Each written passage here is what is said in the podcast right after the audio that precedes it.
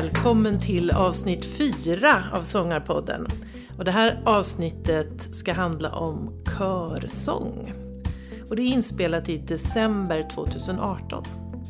Och vi ska få träffa en person som har ett livslångt intresse för musik och då särskilt för just körsång. Och han har ett stort engagemang för utbildning och återväxten inom körsång i Sverige. Med mottot Musik bortom noterna leder han en av Sveriges bästa körer, Sofia Vokalensemble. Det är en kör med 12 000 lyssnare från hela världen per månad bara på Spotify. Det är stort. Och jag hoppas på ett samtal om hur en körledare tänker och arbetar. Hur är det där på andra sidan? Vi körsångare kommer till våra repetitioner och möter då vår körledare som förstås ligger långt före i planering och tankar på utveckling och kommande aktiviteter. Hur går det där till? Sångarpodden har packat inspelningsutrustningen i ryggsäcken och tagit sig till Söder i Stockholm, till Sofia församlingshem för att träffa Bengt Åhlén. Bengt Åhlén, välkommen till Sångarpodden. Tack. Men nu är det nästan tvärtom, därför att det är jag som har kommit till dig. Stämmer. För ja. vi sitter var då Vi någonstans? sitter i, eh, i eh, körsalen i Sofia eh, kyrkas församlingshem Sto- i Stockholm. Och du är nämligen ledare för Jag är ledare, körledare, kördirigent för Sofia vokalensemble, bland annat. Ja. Det är fantastiskt. Jag måste säga ett stort tack för att vi har fått komma hit. Eh, jag har ju lyssnat på Sofia Vokalensemble flera gånger och det är en fantastisk kör. Och det ska vi återkomma till. Men först tänkte jag att du ska få berätta lite grann om dig själv. För när jag började läsa på om dig så såg jag att du var på väg in till en helt annan karriär. ja, det stämmer. Eh, Jag växte upp i Falkenberg eh, under tonåren och eh, där hade jag så att säga mitt ska jag säga, musikliv som tonåring. Där jag sjöng i kör och spelade gitarr, spelade piano. Och, och i familjen så har vi haft eh, alltid funnits sång och pianospel kan man säga. Ända sedan jag var väldigt liten helt enkelt. Och eh, någon gång, ja, egentligen kan man säga att mina föräldrar de lärde mig tidigt att, eh, att, eh, att jag ska bli civilingenjör eller läkare. Och, eh, men någonstans mitt i tonåren så kände jag att jag egentligen jag ville hålla på med musik. Eh, men eh, mina föräldrar rådde mig till, eh, till en akademisk utbildning. Så jag började på Chalmers tekniska högskola i Göteborg. Och det intressanta är när jag började där så blev det ännu mera musik. Egentligen mycket, mycket mer än, än någonsin. Jag sjöng i kör, jag började leda ensembler. Jag kom i kontakt med Chalmerspexet Chalmersspexet så småningom. Och ehm, efter att ha avlagt examen som civilingenjör och jobbat i två år så bestämde jag mig för att börja på Musikhögskolan i Göteborg. Och ehm, det var, då öppnade sig himlen verkligen för mig. Det, var, det var underbart Ja. att få ägna, ägna sig åt, att jag fick ägna mig åt musik ehm, dygnet runt. Ja. Och det gjorde jag med glädje, verkligen. Men det är ett stort språng.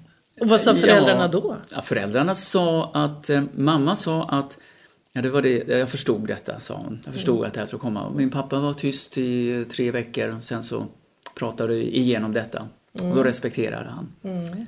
Ehm, För jag tänker att eh, det var ganska vanligt förr att man sa att det var en tid när man sa skaffa en utbildning att det var väldigt viktigt att det skulle vara ett riktigt Mm. jobb. Och det har liksom, om man jämför med, med ungdomar idag så har man mycket mera val och det är inte samma fokus på det här skaffa nej. ett riktigt jobb. Ja. Jag känner igen det där. ja.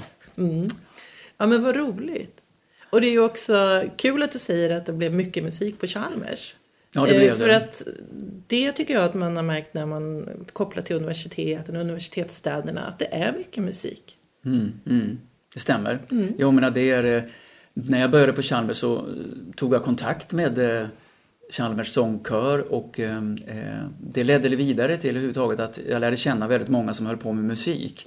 Så det blev en, eh, det blev en, en, en tillvaro på fritiden att eh, sjunga mycket, sjunga i kvartetter och oktetter, skriva arrangemang och leda små grupper. Så det här med körlederiet, det, det, du flöt in i det kan man säga, det växte fram. Ja, det började nog redan när jag var 17-18 kan man nog säga, i Falkenberg.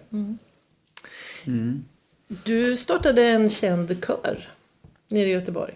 Stämmer. Mm, som fortfarande... Du, du tänker på eh, då sångensemblen Amanda, antar jag? Just det. Stämmer. Ja, Som jag startade 1980. och det är fantastiskt. För att, eh, ja men berätta, du måste, vad, vad ska man använda för ord? Känner du dig stolt eller vad man ska säga? För att Amanda lever ju vidare av egen kraft och Absolut. Jag, det är utvecklas. klart att jag känner mig mycket Mm. stolt över, över att, eh, att ha startat Mm. den, eh, den så att säga, kören. Ser man liksom tillbaka på det så är det inte så, så länge egentligen, Mm. så många år som jag höll på utan det är egentligen ungefär tre års tid. Mm. Ehm, men det, det fanns ändå ett, ett, en, en idé ehm, från början när jag startade den här att det, att det skulle vara en, en kör som eh, skulle sjunga egentligen all slags musik och kunna göra det bra. Det var, det var målet. Och den, vi var kanske 12-16 sångare från början och, och mm, tanken var att vi skulle ligga någonstans max 20 eller någonting sånt här, 20, eh, drygt 20 sångare. Och ehm, jag minns att under den perioden, de här åren då, vi sjöng, det jag kommer ihåg nu det här speciellt är att vi sjöng musik av, av Paul Hindemith. Och vi sjöng också en chilensk mässa som jag för mig heter Missa la Cruz del Sur. Och vi samarbetade med eh, musiker ifrån Colombia och Chile. Ehm, och det var, det var en intressant erfarenhet och en rolig erfarenhet. Dels att samarbeta med eh, dessa musiker och, eh, och jobba med den här musiken som var exotisk för oss då, ska jag Just säga. det. Just det. Och ehm, vi gjorde några sådana här lokalradioinspelningar minns jag också, så de finns väl i något arkiv kanske fortfarande kvar. Men sen flyttade jag till eh, Stockholm och lämnade Amanda. Och det, det, man kan säga att det, det, eh, det var ju tråkigt att lämna Amanda. Eh, Men samtidigt så är det ju väldigt tydligt att efter det, det då, efter det med, med den nya ledaren och den nya organisationen Amanda så, så det är då de börjar med sin ska säga, stora utveckling utav att arbeta på scenen. Just det. Där, För de är ju, de, de, ager, De agerar ja, de och... agerar och gör, jag höll på att säga shower, men det, Jag skulle nog säga att det är en, det är en konsert som eh, ett helhetstänkande Mm. när det gäller både det visuella, ehm, vad som händer på scenen, Mm. Eh, hur man rör sig, eh, ljussättning, ehm, kläder Mm. och sången. Så att de tar in så att säga teatern, ja, skådespeleriet ihop Ja. med musiken. ja. Skulle jag, så skulle jag Och, det uttrycka det. du, och du var med och startade det. Ja, jag startade Amanda i alla fall. Jag ska inte säga att jag drog igång just den sceniska delen där. Mm. Det gjorde jag inte. Det fanns ju andra, liksom, det, eh, Niklas Hjulström, eh, Lasse Smedlund var ledare och, och det fanns andra personer som var Mm. starka, drivande personer i det här. Jättespännande. Och, ja, och då var det Stockholm plötsligt. Sen var det Stockholm, och, ja. och, och den här, varför tog du det steget? Du, det låter ju som du hade en ganska härlig, Ja, det ett min- härligt liv där i Göteborg. Min fru, dåvarande fru där, eh, fick ett väldigt bra jobb i Stockholm. Mm. Så då flyttade vi till Stockholm. För mig var det ju, jag menar, jag var ju, kände mig som göteborgare så det var ett stort steg att flytta till Mm. Stockholm. Det, det kändes ju då som på Mm. fel sida av landet.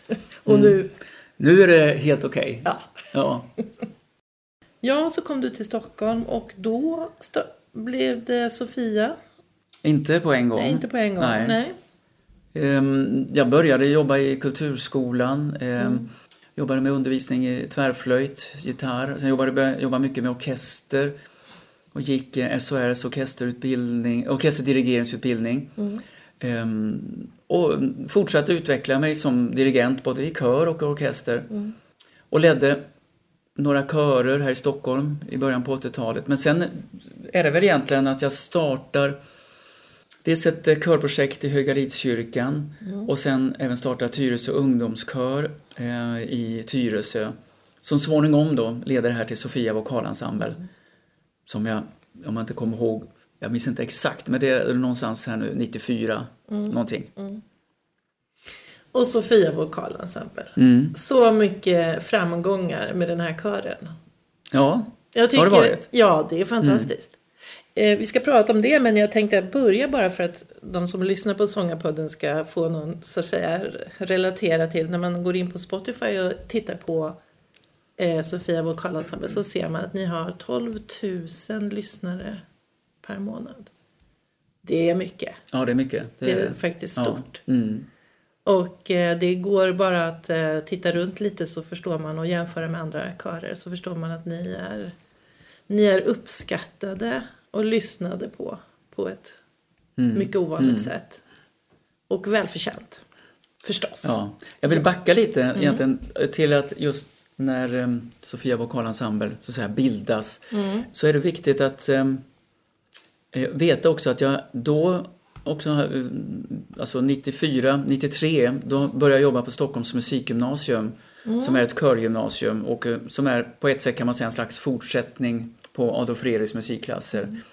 Det betyder ju att jag eh, på musikgymnasiet så, där jag jobbat sedan då i 25 år, eh, där vi ständigt har haft ungefär 300 körsångare uppdelade i sex körer.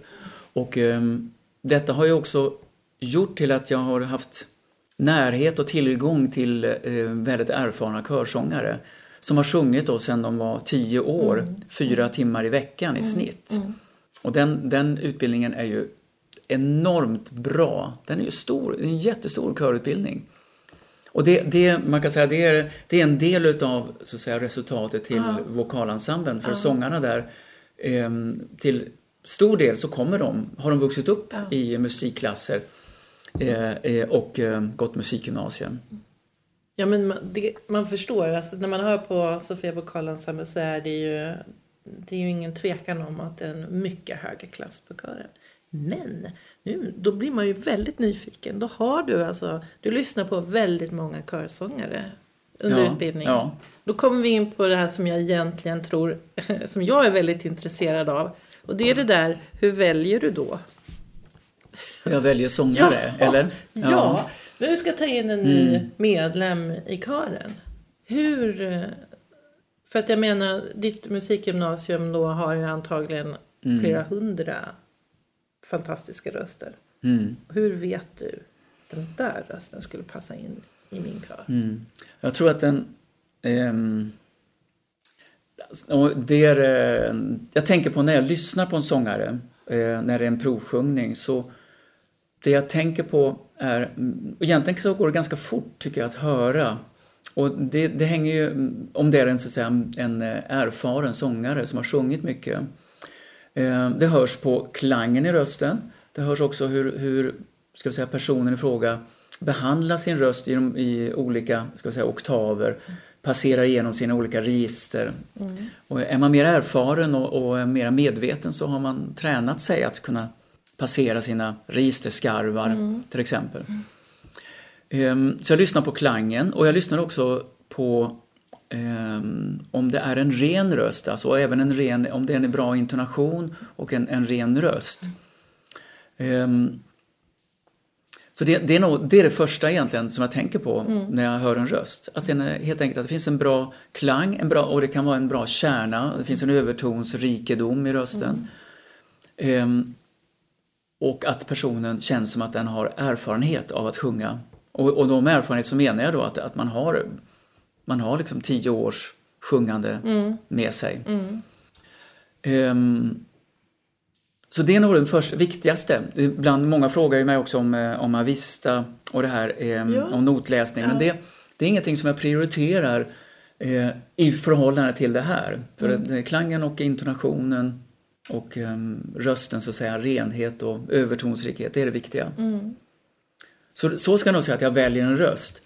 Men sen finns det ju nästa steg, det är ju också att ehm, ehm, det måste kännas för mig att personen eh, passar in i stämman, passar in i, hans, i, eh, i vokalensemblen. Tänker du mer socialt? Att det- Socialt ja, och, och eh, ja, så att helt enkelt som eh, person. som person ja. Ehm, och det där är ju ingenting som, är, som det där är ingenting som man under just en provsjungning kan riktigt vara, känna av på en gång. Eh, ibland kan man känna av vissa saker men, eh, men det är ju först egentligen när en person har varit med under ett projekt till exempel som man vet hur, hur funkar det här ihop. Mm. Men sen så tänker jag på um, man har olika genrer och olika som har olika klangideal. Mm. Och eh, har du någon, hur tänker du kring det? Du har en, vilken sorts, hur ska man, det är svårt att verbalisera men om du skulle beskriva din idealklang hos en sångare, hur skulle du, hur skulle du beskriva den?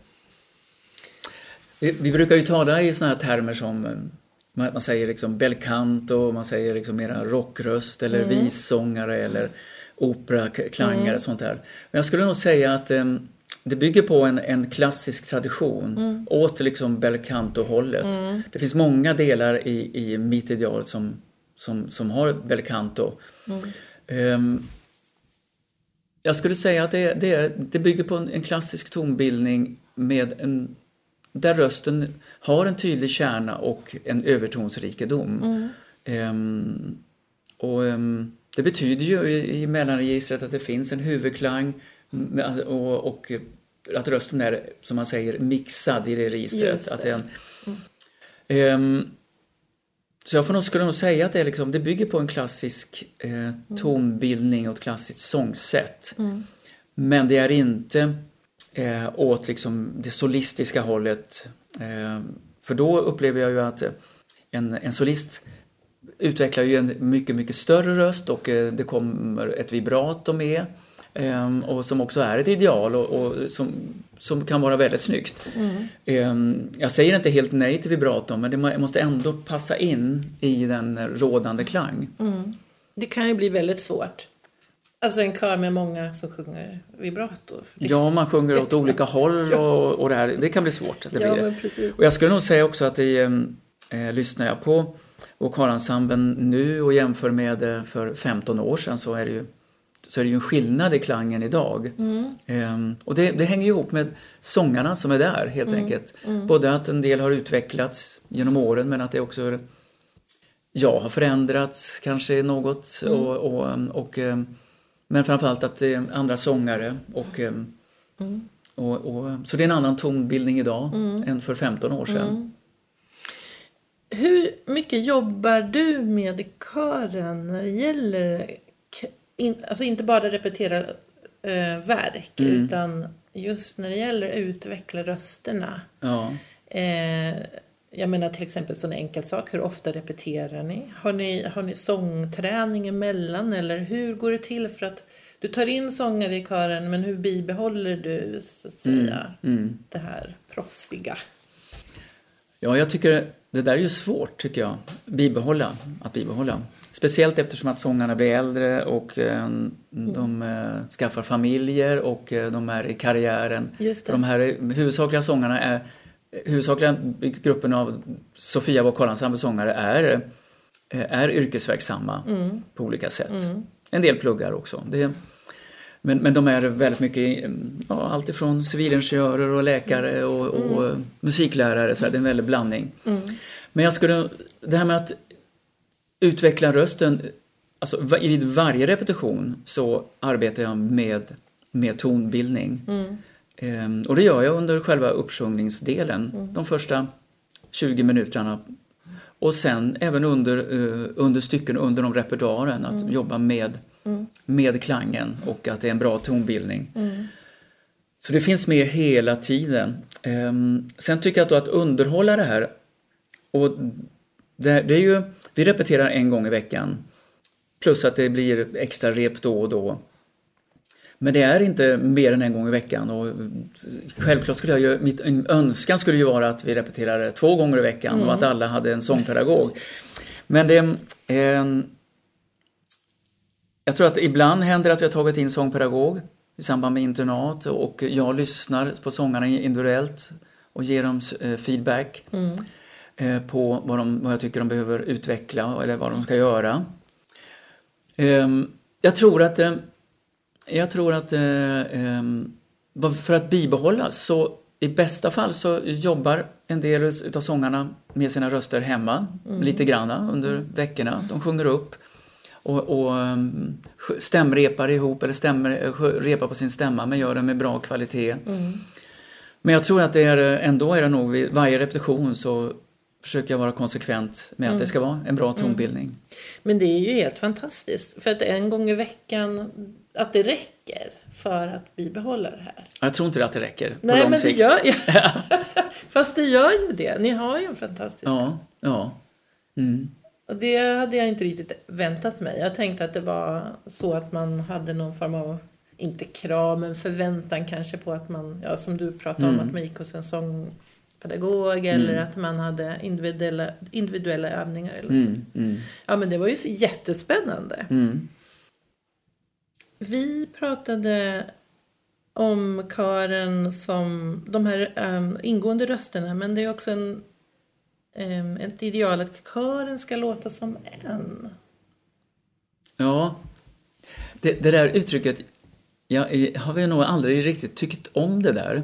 Ehm, och därför att det, för det första är det så att liksom, när tre sångare, det är liksom minimum, när tre sångare sjunger tillsammans, då får man någonting akustiskt som man brukar kallas för koruseffekten. Alltså att det låter, en, det är liksom en början av en körklang. När tre stycken röster sjunger tillsammans. Inte två, då är det liksom en duett tydligt. Men är det tre så, så smälter det in i varandra så att säga. På, så berikar. Och, och även det är också så att det förstärker eh, kärnan väldigt mycket i, i rösten. Om man eh, ligger på samma frekvens och sånt där. Och ehm, det viktiga för mig är inte att, ehm, att jag har aldrig tänkt att, det- att så att säga ehm, att stämman ska låta som en röst utan stämman ska låta som en stämman gör. Ehm, med, den, med de sångare som finns med där. Ehm, och det, det, det är ju mest spännande är ju just att det är olika klangfärger individuellt hos rösterna. Och eh, ligger de i en bra intonation tillsammans och har en bra klang med bra övertonsrikedom så, här, så blir det en väldigt flott klang i, det, i stämman. Men det bygger, det där med en röst och så här, alltså att jag tror att det mera bygger på, när man pratar om det så bygger det på att, att man sjunger väldigt snyggt tillsammans. Och inte att man sjunger likadant. Ni gör ju många trevliga konserter. Eh, Jag var och lyssnade på en ganska nyligen där ni hade bjudit in tre musiker från en helt annan genre. Utan det var jazzmusiker och folkmusiker. Ja, Svante Söderqvist, Mattias Algotsson och Margareta Bengtsson. stämmer ja, just det. Mycket rolig, Ja. mycket trevlig konsert. Mm. Och då så sjöng ni deras musik. Alla tre hade komponerat egen musik. Ja, stämmer. Alltså det, man kan säga att den musik vi gjorde tillsammans var skrivna utav Just det. av eh, dessa jazzmusiker. Ja. Ehm, sen på konserten gjorde vi ju även egen a cappella-musik också. Det. Mm. Men, eh, men det stämmer, vi gjorde musik som Margareta Bengtsson har skrivit och Mattias och Svante, Och Svante också. också. Ja. Och det var väldigt kul för- oss att göra det samarbetet. Ja. Och, och då tänker eh, när ni, eh, för det måste ju vara väldigt roligt att för, liksom, det blir som förnyelse, att man gör det som en bubbla ut. Nu gör vi det här projektet Ja. och så gör vi ett annat projekt. Och, ehm, men om man, när man startar ett sånt projekt, hur lång tid tar det från idé till att ni står på plats? Jag tror att det var... Alltså själva idén och, och första s- mötet där, det, det var nog säkert över ett år, en, ett, mellan, alltså drygt ett år till ett och ett halvt år innan vi hade konsert, där vi, eh, där vi egentligen bara pratade om vad kan vi göra tillsammans? Vi skulle vilja göra ett projekt tillsammans. Och, ehm, och när man börjar prata så handlar det väl om att man, man liksom börjar lära känna varandra, man pratar om också sån här egentligen, vad, vad, vad är det vi kan, vi då, till exempel Sofia, och Karlshamre, vad kan vi bidra med i en, i en konsert, i ett samarbete med er? Vad är det vi kan göra? Och vad är det vi skulle vilja göra? Och på samma sätt så, så eh, det var framförallt då Svante och Mattias som jag hade möte med och de berättade vad, vad de skulle vilja med det här. Men sen tror jag att annars repertoarmässigt så kanske det var fyra månader innan som vi började med repertoaren. När vi liksom kopierade upp noterna och, eh, och började arbeta med dem. Ja, Och, och en, komposition, en, del kompos, en del saker komponerades eh, under den här perioden också.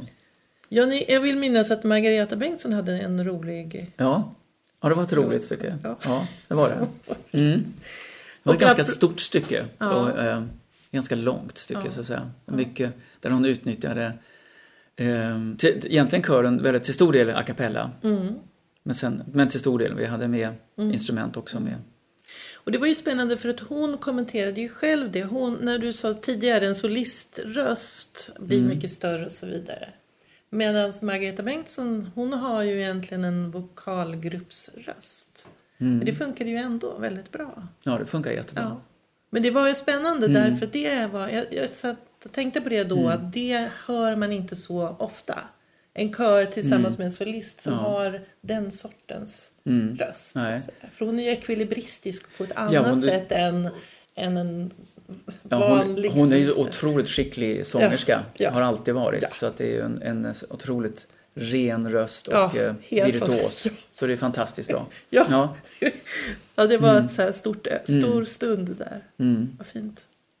Och den här konserten, den konserten du hörde, den hade vi, vi gjorde den uppe i, i Bollnäs eh, Mm.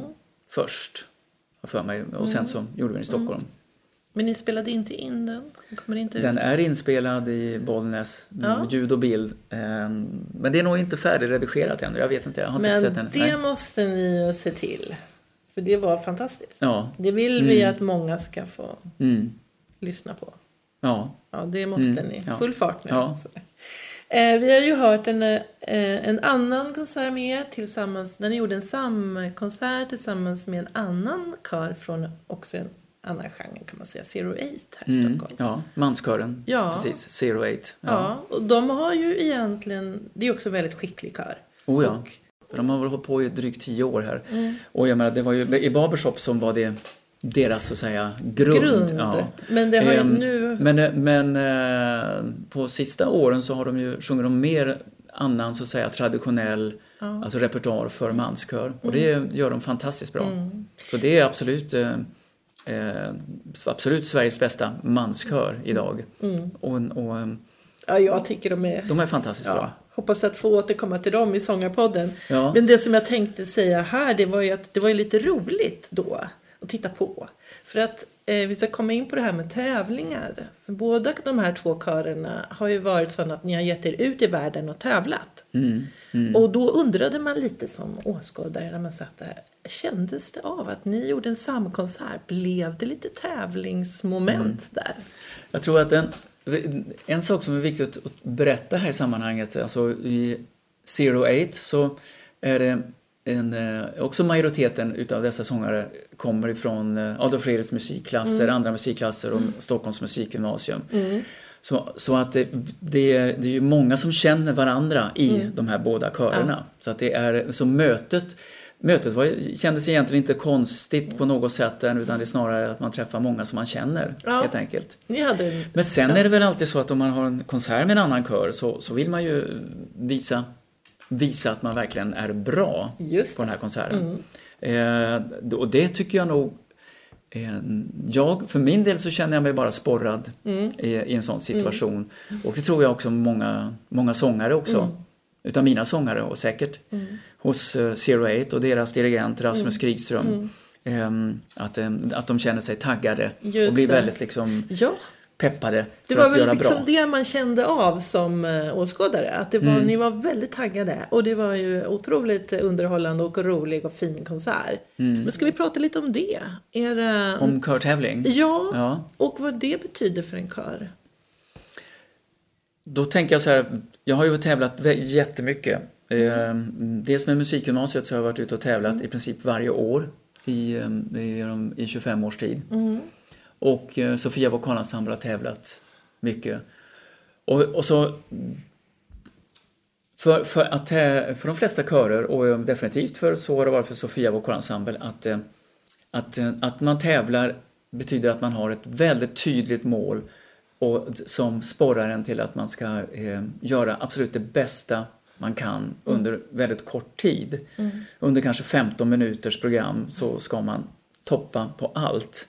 Och, eh, repetition, eh, man kan säga att repetitionsarbetet har ju under lång tid hela tiden då arbet, varit så att man har jobbat för den, det här tillfället med den här repertoaren. Och det är viktigt tror jag också att, alltså att om det här beror, beror på vilken, vilken typ av körledare man är och, och kören också. Um, hur viktigt det är eller att, att tävla eller mm. vad man känner för tävling. Mm. Men eh, i mitt, för mitt, min del och mitt fall så, så har det varit, känts väldigt tydligt att eh, jag tycker att det är kul att tävla och, eh, och det har varit en, en enorm sporre för sångarna mm. att, eh, eh, att verkligen nå målet att vara på topp mm. just vid tävlingen. Mm. Så det är väl kanske precis som en man pratar om idrottsmän, man vill ha formkurvan ska vara som mm. bäst mm. just när man tävlar. Mm. Och eh, det tycker jag nog gäller också i körsång.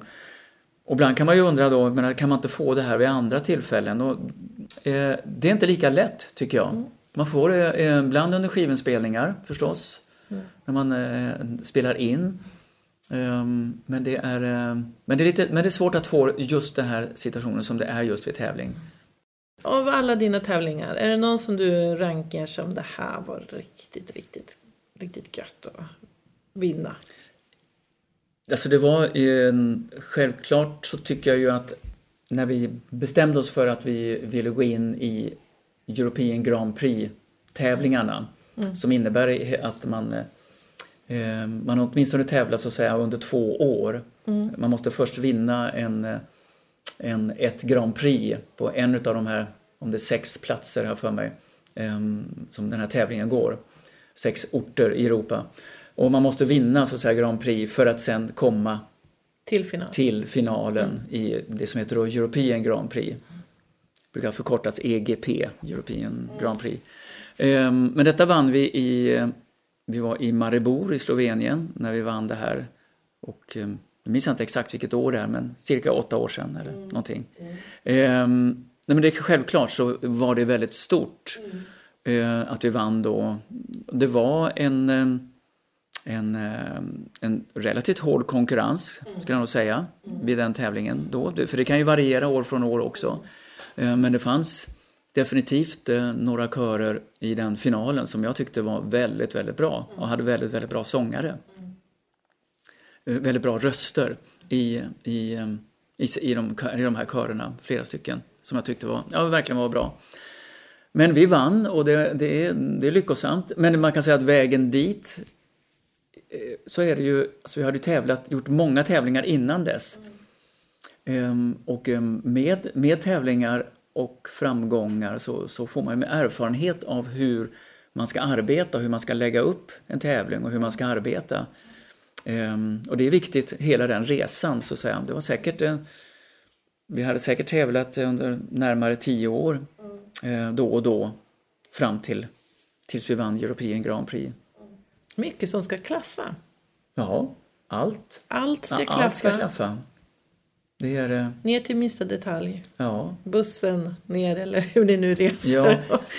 Jo, nej, men sånt måste man ju, det, det är de praktiska grejerna. Ja. Sånt måste man ha en, en bra plan, mm. Det måste vara mm. liksom, bra planerat. Mm. Men jag tänker nog mest på så här att det att det gäller ju att alla sångare samtidigt, på något sätt tillsammans samtidigt liksom kommer in i samma eh, stämning, i samma mm. mod för att göra en, eh, eh, en konsert, liksom mm. tävlingen. Mm. Um, och att man är medveten om sin publik, att man sjunger för den här publiken som mm. är där um, och skapar kontakt med den publiken.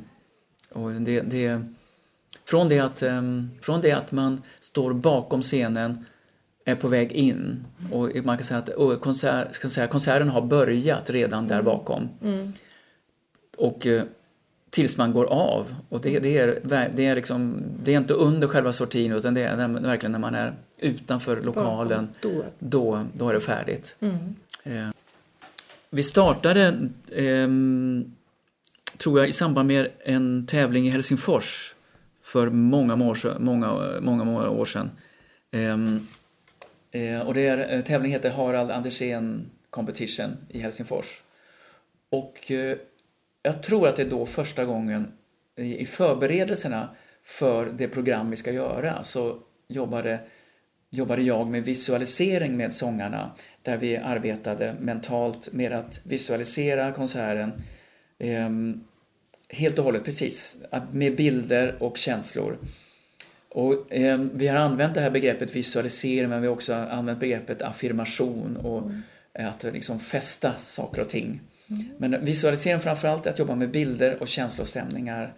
Eh, och känslostämningar bygger utifrån texterna vi sjunger och, och eh, vad vi ska hitta för stämningar och bilder till musiken. Mm. Men alltså då har vi jobbat med det här. Eh, gjorde, det här startade vi då första gången i Helsingfors för massa år sedan här. Mm. Och eh, la nog säkert en timme liksom på, i arbete på det här. Sen har vi då efter det i stort sett varje konsert, så det, det är otroligt mycket, så har vi alltid minst 15-20 minuters visualisering utav konserten. Ehm, och, och jobba med det. Och det. För det handlar om, i grunden är det då att sångarna ska vara medvetna om vad det är man gör när man sjunger och vilka känslor man ska leverera mm. till den publik som sitter där. Och, ehm, och att det är för publiken och man, man sjunger och att publiken ska vara berörd utav, mm. utav det vi gör. Och det är målsättningen. Det här, ja, det här är ju verkligen spännande. ja, det tycker vi också. Ja, ja, därför att det är inte bara musik utan det är en text och man ska ju nå fram. Mm. Eh. Och att varje sångare känner ett, ska känna ett ansvar mm. eh, vad det är man gör. Mm. Ibland hör jag ju att körsångare, en del säger att det blir bra i en kör, då kan man liksom bara smälta mm. in eller en del kanske kan försvinna. Mm. Men ehm, Eh, det vill inte jag. Jag vill inte att folk ska försvinna i, i, i stämman och inte liksom ha ett ansvar utan eh, det ska vara väldigt tydligt att alla har ett ansvar och förmedlar musiken. Men du, det här är ju jättespännande för det kanske är det här som man känner som publik eh, av när man tittar på er. För att man får en särskild känsla av er kör, måste jag säga. Och om jag jämför med um, kanske, säg att vi lämnar körmusiken och så går vi till jazz, eh, tittar på en jazzkonsert. Så, så är det ju ganska vanligt att under någons eh, improvisation så står de andra musikerna och gör något annat. Mm. Och då faller ju hela det visuella, för mig i alla fall. Mm. Om inte de är intresserade av det de gör, så varför mm. ska vi? Mm. Och då om man tänker som kör att det här, man må, alla måste utstråla det som verket vill förmedla. Annars mm. så tror inte vi på det mm. som, som åskådare. Mm. Det stämmer, ja, visst. Det så det här, ihop. Men det är ju jätteintressant. Ja. Det här kanske har... Det här kan man forska på. Ja. hur, mycket, hur stor andel... För det, är både, det bidrar ju både till det musikaliska hos sångarna men också åskådarnas mottagande av mm. musiken. Mm. Mm. Ja, jättespännande. Ja. Roligt att höra. Ja. Hur ser framtiden ut när det gäller det? Vi kommer säkert tävla någon gång eh, igen. Det, det, gör, det, gör vi alldeles säkert. Mm. Eh, men nej, våra, eh, våra planer nu det är ju att eh, ehm, man kan säga att vi ska åka till Japan i, nästa år i augusti. Mm -hmm. Då åker vi till Tokyo och, mm. och Kyoto och med flera ställen. Åh, vad spännande. Ja. ja.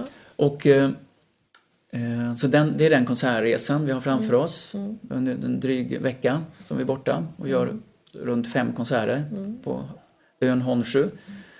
Och um, annars liksom framtiden det är ju mer att vi jobbar med eh, kontakt med tonsättare mm. eh, för att liksom hitta, mm, få en nyskri, uppföra nyskriven musik ja. eller, eh, eller hitta liksom bra, bra konsertmaterial. Mm. Eh, för det finns ju otroligt mycket musik att eh, arbeta från. Mm. Vi, jobb, vi gör säkert eh, Händels Messia som eh, drygt ett år också. Eh, och, eh, ja, vi ligger, man kan säga att vår planering är alltid i alla fall runt ett år ja. till ett och ett halvt år ja. i, i förväg. Just det. Och, man kan säga under våren här, ja. kan säga, vi inför den här nu Japan-turnén här så under våren så jobbar vi med material för vi kommer spela in en skiva i maj månad som vi ska ha med oss till Japan, en ny skiva. Så vi jobbar mycket med den repertoaren och vi kommer mm. göra konsert på den under eh, både under mars månad eh, och under juni månad. Mm. Det kanske är någonting i april också. Mm. Det låter fantastiskt. Det mm. låter jätteroligt. Ja, men jag det tänk, är kul. Ja, ja. fantastiskt. Till slut så tänker jag att du skulle få ge lite tips till alla oss som lyssnar på Sångarpodden. Eh, hur, vi, hur du tycker att man ska... Du pratar om att vårda sin röst och hålla rösten igång. Och, Mm. Vad har du för tips? Tips för att hålla igång sin röst eller Ja, utvecklas. eller du kan tänker få jag. välja. Ja, ja, Du kan det. få ge många tips.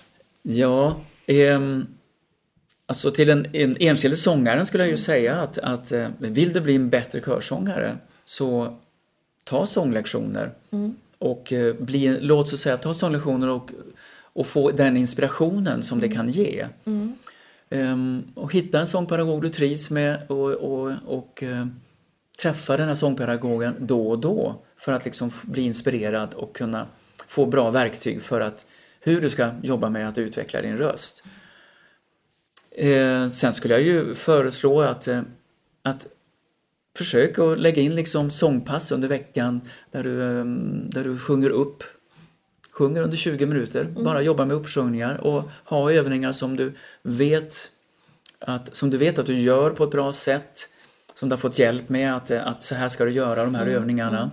Så att du kan lyssna och, och ehm, eh, sjunga och lyssna och du kan spela in dig själv och lyssna på resultatet. Det, det är det individuella liksom, arbetet som jag tänker på. Sen eh, eh, om man ska utvecklas, sjung i en kör som är på en bra nivå. Där, du, där du trivs och, eh, och där det är alltså ett bra musikaliskt arbete. Så att em, du känner att du utvecklas i den kören där du sjunger. Ja, det är ju fantastiskt med Sverige och alla, alla körer och alla körsångare. Det, vi är ju Ja, är mycket. väldigt många. Ja, Och, och eh, det är ju också stora hälsoeffekter med att sjunga förutom den här sociala gemenskapen och de musikaliska upplevelserna. mm, Vilket vi ska återkomma till också i Ja. Sångarpodden. mm. Tack så mycket ja tack för att vi själv. fick komma hit och prata sång med dig. Tack så mycket.